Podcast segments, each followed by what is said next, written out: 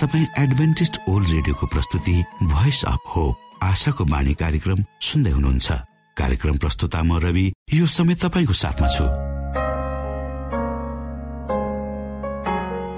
तपाईँकै आफ्नै प्रिय कार्यक्रम आशाको बाणीमा यहाँलाई हामी न्यानो स्वागत गर्दछौ। आउनु श्रोता यो मधुर भजनसँगै हामी हाम्रो मुख्य कार्यक्रम तर्फ लागौं।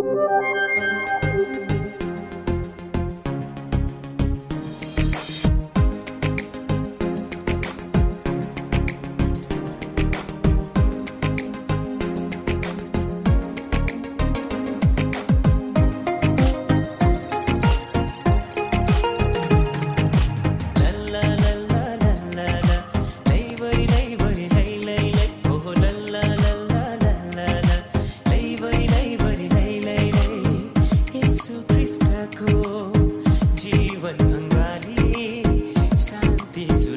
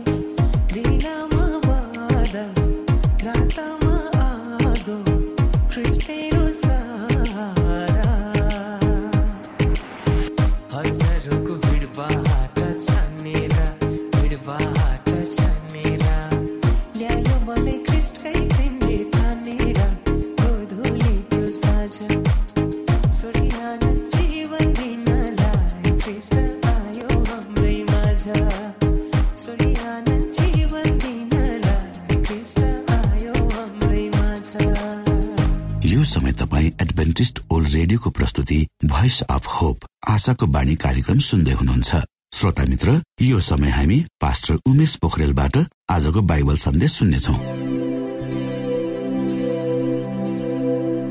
श्रोता साथी न्यानो अभिवादन साथ म तपाईँकै आफ्नै आफन्त पास्टर उमेश पोखरेल परमेश्वरको वचन लिएर यो रेडियो कार्यक्रम मार्फत पुनः तपाईँहरूको घर आँगनमा उपस्थित भएको श्रोता मलाई आशा छ तपाईँले हाम्रा कार्यक्रमहरूलाई नियमित रूपमा सुनिरहनु भएको छ र परमेश्वरका प्रशस्त आशिषहरू प्राप्त गरिरहनु भएको छ। श्रोता साथी यदि तपाईँका कुनै जिज्ञासाहरू छन् यदि तपाईँको जीवनमा कुनै अनुत्तरित प्रश्नहरू छन् जसको तपाईँ उत्तर खोजिरहनु भएको छ तपाईँ कुनै कुराले समस्या कुनै समस्याले थिचिनु भएको छ सताइनु भएको छ भने कृपया गरेर हामीलाई हाम्रो पत्र व्यवहारको ठेगानामा लेखेर पठाइदिनु भयो भने हामी तपाईँको निम्ति सहयोगी हुने थियौँ। आउनुहोस् आजको प्रस्तुतिलाई पस्कनुभन्दा पहिले परमेश्वरमा अगुवाईको लागि बिन्ती राख। जीवित जिउँदो महान दयालु परमेश्वर प्रभु हामी धन्यवादी छौँ। यो जीवन र जीवनमा दिनुभएका प्रशस्त आशिषको प्रभु यो रेडियो कार्यक्रमलाई म तपाईँको हातमा राख्दछु। यसलाई तपाईँको राज्य र महिमाको प्रचारको खातिर यो देश सारा संसारमा तपाईँले ताकि धेरै मानिसहरू तपाईँको ज्योतिलाई यो कार्यक्रमद्वारा चिन्न सक्नुहोस् सबै बिन्ती प्रभु यीशुको नाम।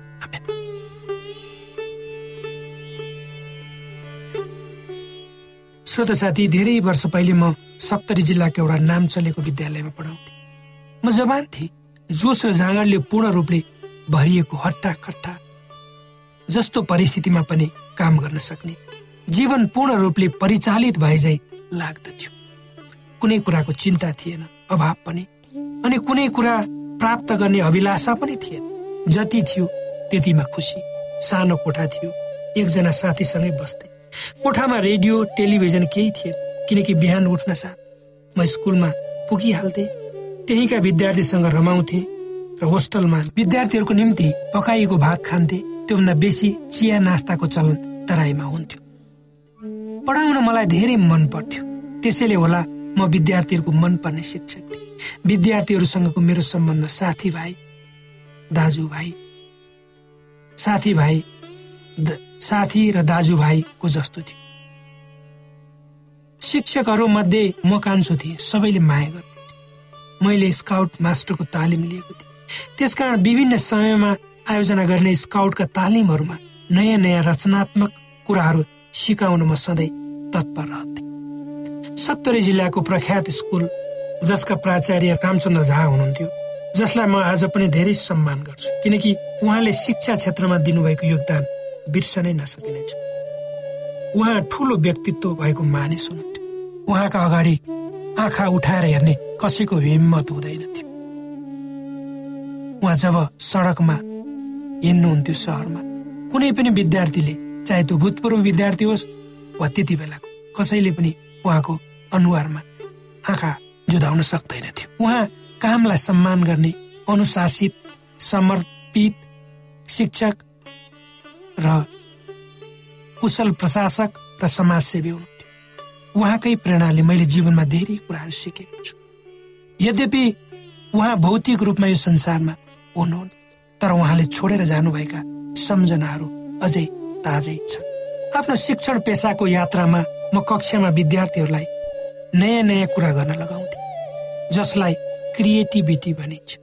क्रिएटिभिटीले विद्यार्थीलाई पढाउने पाठतिर आकर्षित गर्छ जसलाई मोटिभेसन पनि भनिन्छ। एक दिन मैले मेरा विद्यार्थीहरूलाई उनीहरूलाई मन पर्ने कुनै जीव जन्तु चराचुरुङ्गीहरूको विषयमा वर्णन गर्न भने र यदि उनीहरू ती जीव जन्तु हुनु पर्यो भने कुन हुन मन पराउँथे?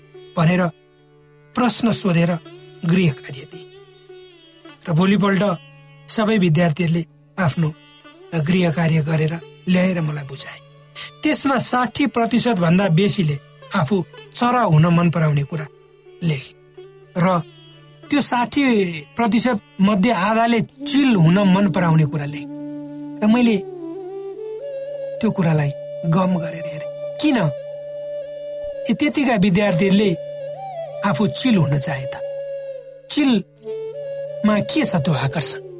त्यो खोज्दै जाँदा मैले चिल खोज्दै जाँदा मैले पत्ता लगाएँ। चिल एक सुन्दर एउटा चरा हो र त्यही नै सबैको चाहना थियो। किनभने सबै मेरा विद्यार्थीहरू अधिकांश विद्यार्थीहरू सुन्दर हुनुहुन्छ। चिललाई छिटो उड्ने र तत्कालै निर्णय लिन सक्ने चराको रूपमा लिइन्छ वा चिलको स्वभाव हेर्ने हो भने यो छिटो उड्छ र यसले कुनै पनि कुराहरूको निर्णय तत्कालै लिन्छ। र यो आफ्नो शक्तिको यसले आफ्नो शक्तिको दह्रो प्रभाव अरूमा पार्न सक्छ। यसका चुच्चाहरू डर लाग्दा हुन्छ र यसलाई सजिलै पक्रन मार्न सकिन्न। यदि कसैले कोसिस गर्यो भने यसका प्वाखहरू मात्रै निकाल्न सकिन्छ। यो भाग छ। यसै परिप्रेक्ष्यमा पवित्र धर्मशास्त्र बाइबलको यसैया भन्ने पुस्तकको चालिस अध्याय तिस र एकतिस पदहरूमा यसो लेखिएका छन्। युवक पनि दुर्बल र थकित हुन्छ र जवान मानिसहरू थाकेर लोट्छन् तर परमप्रभुको आशा गर्नेहरूको बल फेरि नयाँ हुन्छ। तिनीहरू गरुड झै माथि माथि उड्नेछन् र दगुरेर पनि तिनीहरू थाक्ने छैन।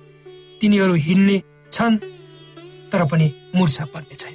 अर्को कुरा चिलको द्रुत उडानले जुन प्रकाश ल्याउँछ त्यसलाई शक्तिसँग तुलना गरिएको छ। किनकि यो चराको उमेर अरू चराहरूको भन्दा धेरै लामो हुन्छ। उसका शरीरमा शरीरका प्वाखहरू निस्कन्छन् र त्यसको ठाउँमा नयाँ प्वाखहरू आउँछन् यसै सन्दर्भ भजन सङ्ग्रहका लेखकले लेख्छन् हे मेरो प्राण परमप्रभुको प्रशंसा गर। उहाँका सबै उपकारहरू नबिर्सी। जसले तेरा सबै पापहरूलाई क्षमा गर्नुहुन्छ तेरा सबै रोगहरू निको पार्नुहुन्छ जसले तेरो जीवनलाई मृत लोकबाट मुक्त गर्नुहुन्छ र तँलाई कौडा र कृपाको मुकुट लगाइदिनुहुन्छ जसले तेरा इच्छाहरू उत्तम कुराले तृप्त गर्नुहुन्छ ताकि तेरो जवानी चिलको जस्तै फेरि नयाँ होस्। तर परमेश्वरले हाम्रो युवा अवस्थालाई मृत्युको बेलाबाट पुनः फर्काउनुहुन्न। उहाँसँगको सम्बन्धद्वारा चिलले आफ्नो पुरानो प्वाकको ठाउँमा नयाँ प्वाक लिनु मात्र होइन उहाँले त स्वर्गको सबै शक्ति सम्पन्न स्रोत र साधनहरू हामी माथि खन्याउनुहुन्छ ताकि त्यसले हामी आफ्नो हाम्रो जीवनलाई पुनः पहिलेकै जस्तै नयाँ बनाउँछ र यो अवसरले तपाईँ र हामीले अनन्त यो अवसरले तपाईँ र हामीलाई अनन्तसम्म डोर्याउनेछ हो चिलको स्वभावले उहाँको महान प्रतिज्ञालाई देखाउँछ यसै क्रममा पवित्र धर्मशास्त्र बाइबलको व्यवस्था बत्तीस अध्यायको एघार र बाह्र पदहरूमा यसो लेखिएको छ। गुणलाई हल्लाएर आफ्ना बचेराहरूमाथि हावामा उडिरहने पखेटा फैलाई बचेराहरूलाई थाप्ने र आफ्ना प्वाकमाथि ती बोक्ने गरुडले झै परमप्रभु एक्लैले तिनलाई अगुवाई गर्नुभयो। श्रोत साथी जसरी एउटा आमाले आफ्ना साना नानीहरूलाई आफ्नो काखमा बेर्छिन्। ती नानीहरूलाई आफ्नो दुध चुसाउँछिन्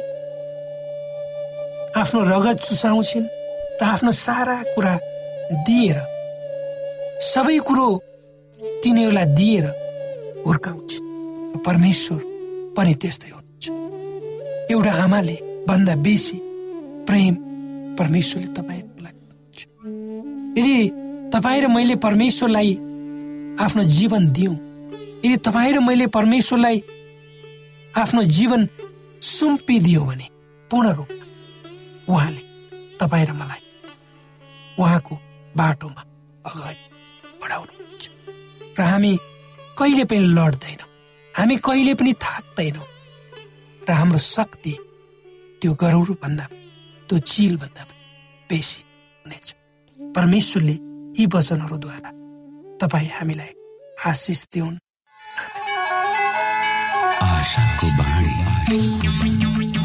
श्रोता भर्खरै यहाँले पास्टर उमेश पोखरेलबाट बाइबल वचन सुन्नुभयो। यो समय तपाईँ एडभेन्टिस्ट ओल्ड रेडियोको प्रस्तुति भोइस अफ होप आशाको बाणी कार्यक्रम सुन्दै हुनुहुन्छ। कार्यक्रम सुनेर बस्नुहुने सबै श्रोतालाई हामी हाम्रो कार्यक्रममा स्वागत गर्न चाहन्छौ। श्रोता मित्र यदि तपाईँ जीवनदेखि हरेस खानु भएको छ तपाईँका जीवनमा धेरै अनुत्तरित प्रश्नहरू छन् भने आउनुहोस् हामी तपाईँलाई परमेश्वरको ज्योतिमा डोहोर्याउन चाहन्छौ र तपाईँ आफ्नो जीवनका चिन्ता फिक्रीबाट निश्चिन्त हुनुहोस् र बाँच्नुको आनन्द परमेश्वरको सामिप्यमा कति मिठो हुन्छ त्यो चाख्नुहोस् भनी हामी चाहन्छौँ।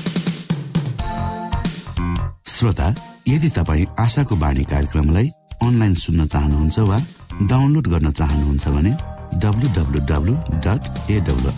डट ओआरजीमा जानुहोस्।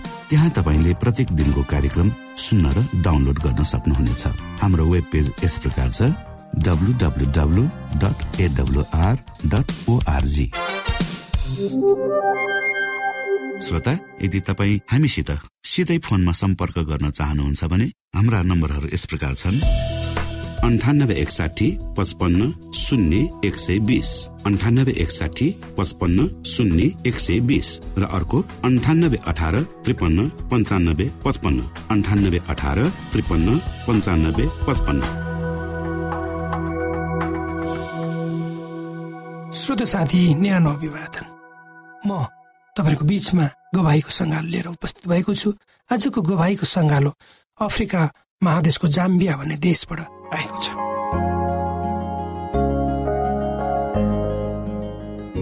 जब पिटर र उनीको श्रीमती र केही व्यक्तिहरू जाम्बिया पुगे उनीहरू हवाई जहाज अथवा गाडीमा यात्रा गरेर गएका थिए।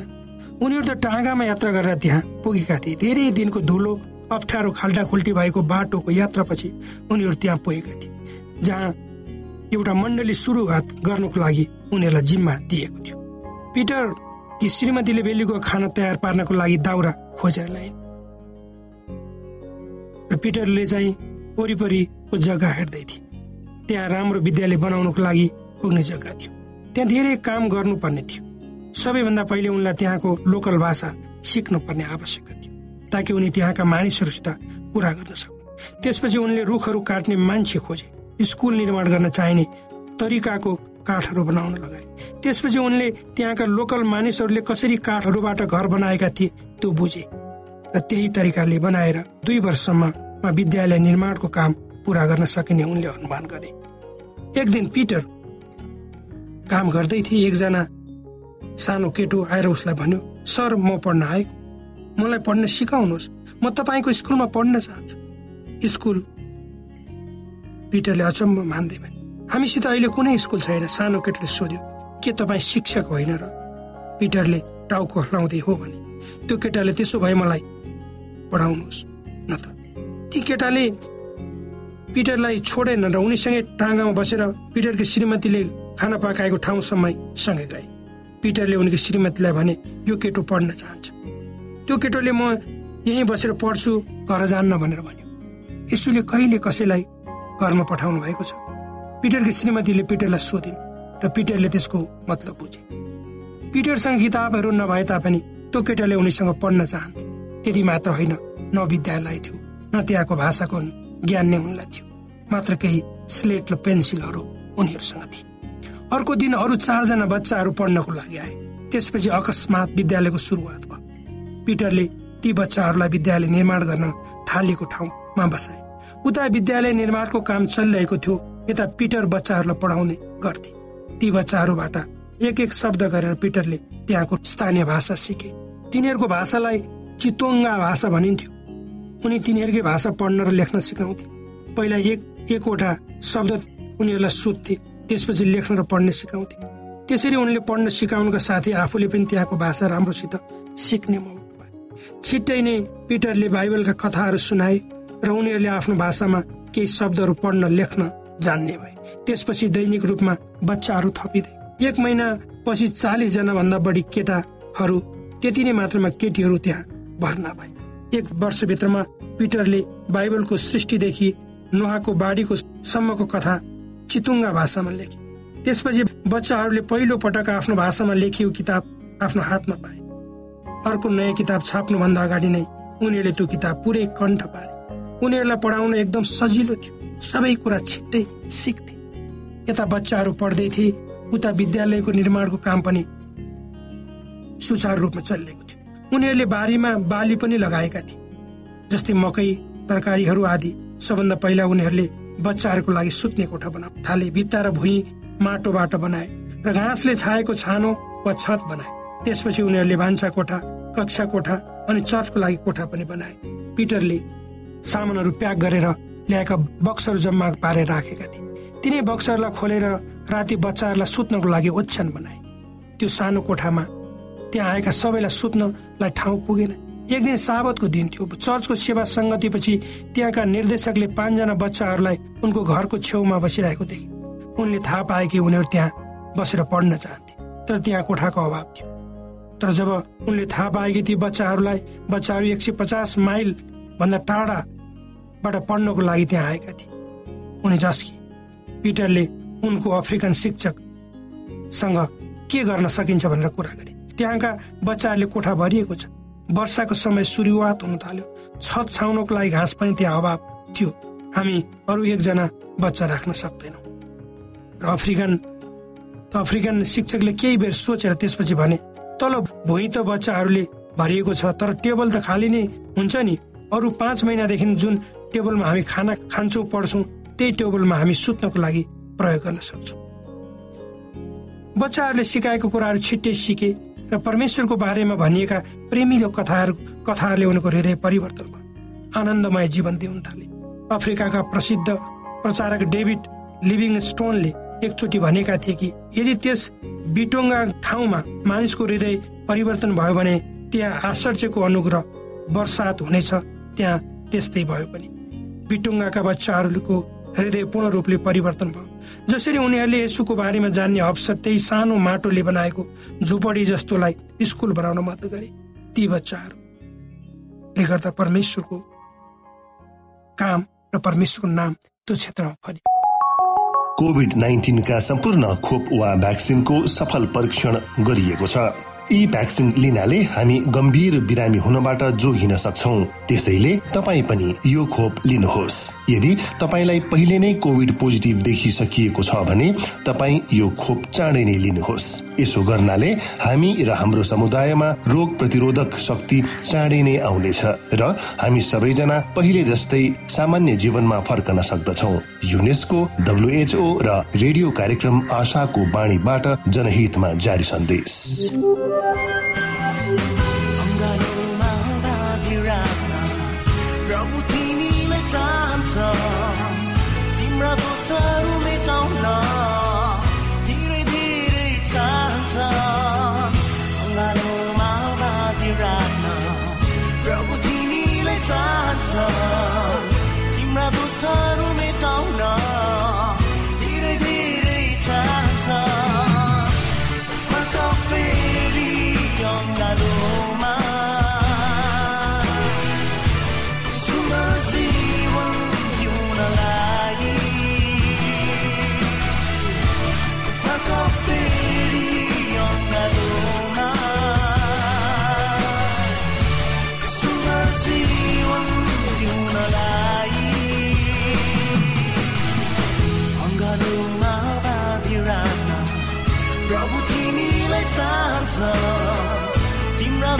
baru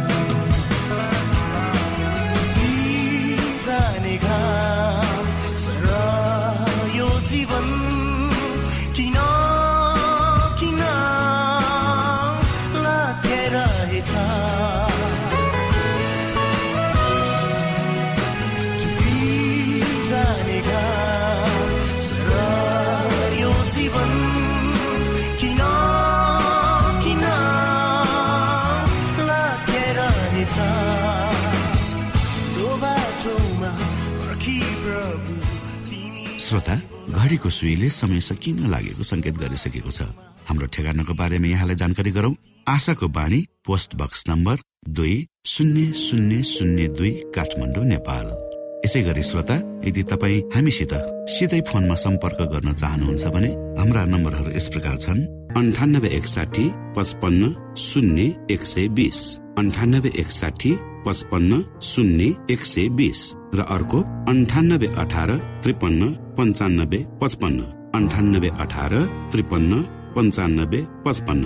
हवस् त श्रोता हाम्रो कार्यक्रम सुनिदिनु भएकोमा एकचोटि फेरि यहाँलाई धन्यवाद दिँदै भोलि फेरि यही स्टेशन र यही समयमा भेट्ने बाजा गर्दै प्राविधिक साथी राजेश पास्टर उमेश पोखरेल र कार्यक्रम प्रस्तुता म रवि यहाँसँग विदा माग्दछौ। परमेश्वरले तपाईँलाई धेरै धेरै आशिष दिनु भएको होस्। नमस्कार।